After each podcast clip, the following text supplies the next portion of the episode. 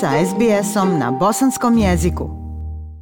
Kako pokazuje izvještaj Komiteta za ekonomski razvoj Australije, svaki četvrti kvalifikovani migrant sa stalnom boravišnom vizom u Australiji radi na poslovima ispod nivoa svog obrazovanja, što košta i njih i ekonomiju na stotine miliona propuštenih plata svake godine.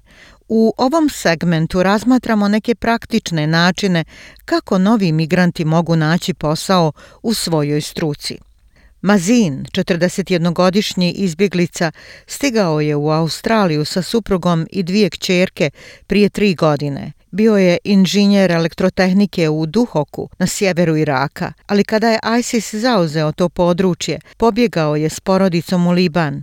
Tri godine od dolaska u Australiju, Mazin i dalje traži posao u svojoj struci. I worked as an electrical engineer for nine years. Devet godina sam radio kao elektroinženjer u Duhoku i pokušavam naći posao, ali nažalost puno sam se puta prijavljivao za rad na mnogim mjestima na web stranicama kao što su Seek i Indeed, ali nažalost nisam dobio priliku. Mazin kaže da su nedostatak lokalnog radnog iskustva i jezičke poteškoće bile najveće prepreke njemu i njegovoj supruzi, koja je također tražila posao kao učiteljica.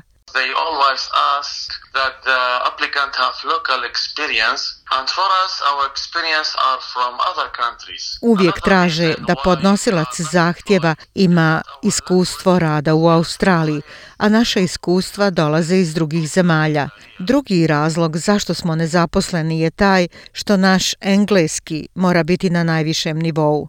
Ovo je također velika prepreka. Prema izvještaju Komiteta za ekonomski razvoj Australije iz marta 2021. godine, svaki četvrti kvalifikovani migrant sa trajnom boravišnom vizom u zemlji previše je kvalifikovan za svoj trenutni posao. Izvještaj je otkrio da je ova neusklađenost vještina, obrazovanja i poslova koštala radnike migrante najmanje 1 milijardu dolara propuštenih plata između 2013. i 2018. godine. David Forbes je viši koordinator za poslove zapošljavanja u organizaciji Settlement Services International, koja pomaže izbjegličkim i migrantskim zajednicama da se nastanu u Australiji. Kaže da je presudno da novopridošli kvalifikovani migranti znaju kako u njihovom slučaju izgleda put do zaposlenja.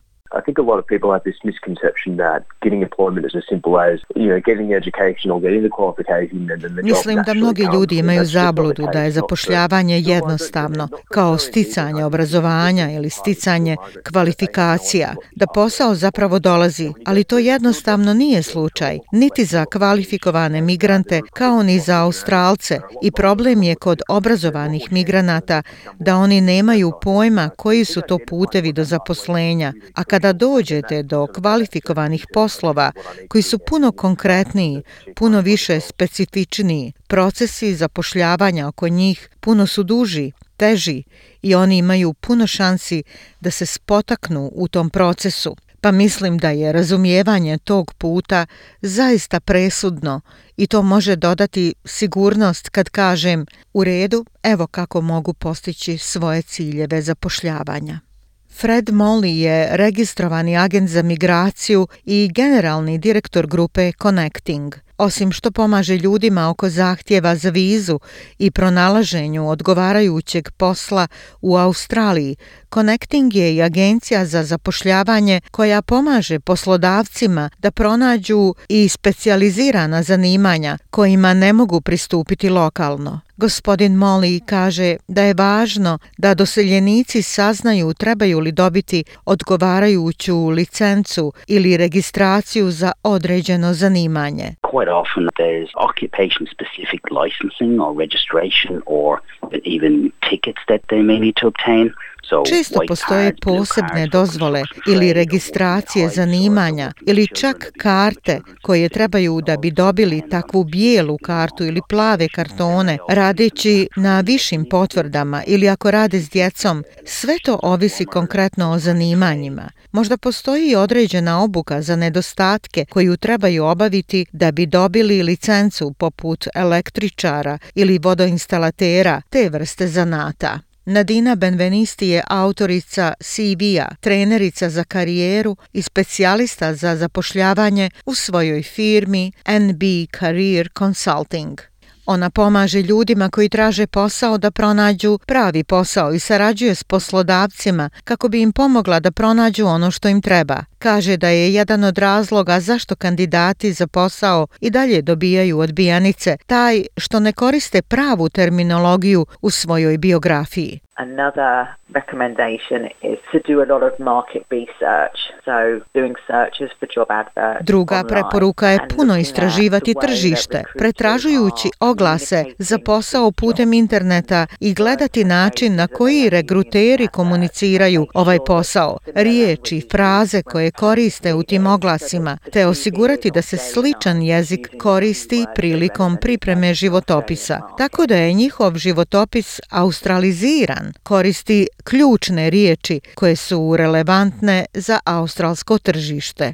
Također je važno biti vrlo usmjeren na poslove za koje se neko prijavljuje, kaže gospođa Benvenisti. Gospodin Molly kaže da bi mogla biti dobra ideja da se lokalno pozicionira u srodnom području i iskoristi to kao odskočnu dasku often as well if constantly rejected they need to reassess whether they're willing to take Često i ako ih stalno odbijaju trebaju ponovo procijeniti jesu li spremni napraviti korak dalje kako bi mogli ući u tu industriju ući u kompaniju i vratiti se natrag do visine položaja na kojem su bili dok su bili u inostranstvu. i kao što sam spomenula licenciranje. Ponekad ovdje dolaze s vizom za stalni boravak ali nemaju dozvolu za rad u svom određenom zanimanju ili trgovini, pa mogu dobiti posao trgovinskog pomoćnika, ako je to, na primjer, električar, da steknu iskustvo pomažući električarima ovdje, da shvate razliku između električnih sistema ovdje u odnosu na inostranstvo. Ponekad se jezik i komunikacija moraju poboljšati kako bi bili u ulozi da se okrenu klijentu, dodao je. Trenerica za karijeru Nadina Benvenisti kaže da je za kandidate za posao važno da razgovaraju s poslodavcima, a ne samo da se prijavljuju za posao putem interneta. Another tip is to do lots of networking. So LinkedIn is a good tool to connect with business leaders. So Još jedan savjet je puno umrežavanje. Dakle, LinkedIn je dobar alat za povezivanje s poslodavcima. Povezivanje s ljudima koji zapošljavaju ljude sa skupom vještina koje imaju migranti i traženje prilika za posao koristeći LinkedIn. Ako na oglasu za posao postoji i telefonski broj, nazovite regrutere, popričajte s njima, uspostavljajući veze, otkrivajući gdje se njihove vještine najbolje uklapaju na tržište. Dakle, umjesto da se samo prijavljujete za posao, razgovarajte s ljudima. Abby Jossi radi kao voditeljica građevinskih projekata i voditeljica razvoja. 16 godina je radila u Indiji i Saudijskoj Arabiji kao arhitekta i menadžer dizajna. Bavila se različitim poslovima, uključujući razvoj i upravljanje projektima. U Australiju je stigla u februaru 2020. godine, a posao je dobila u junu.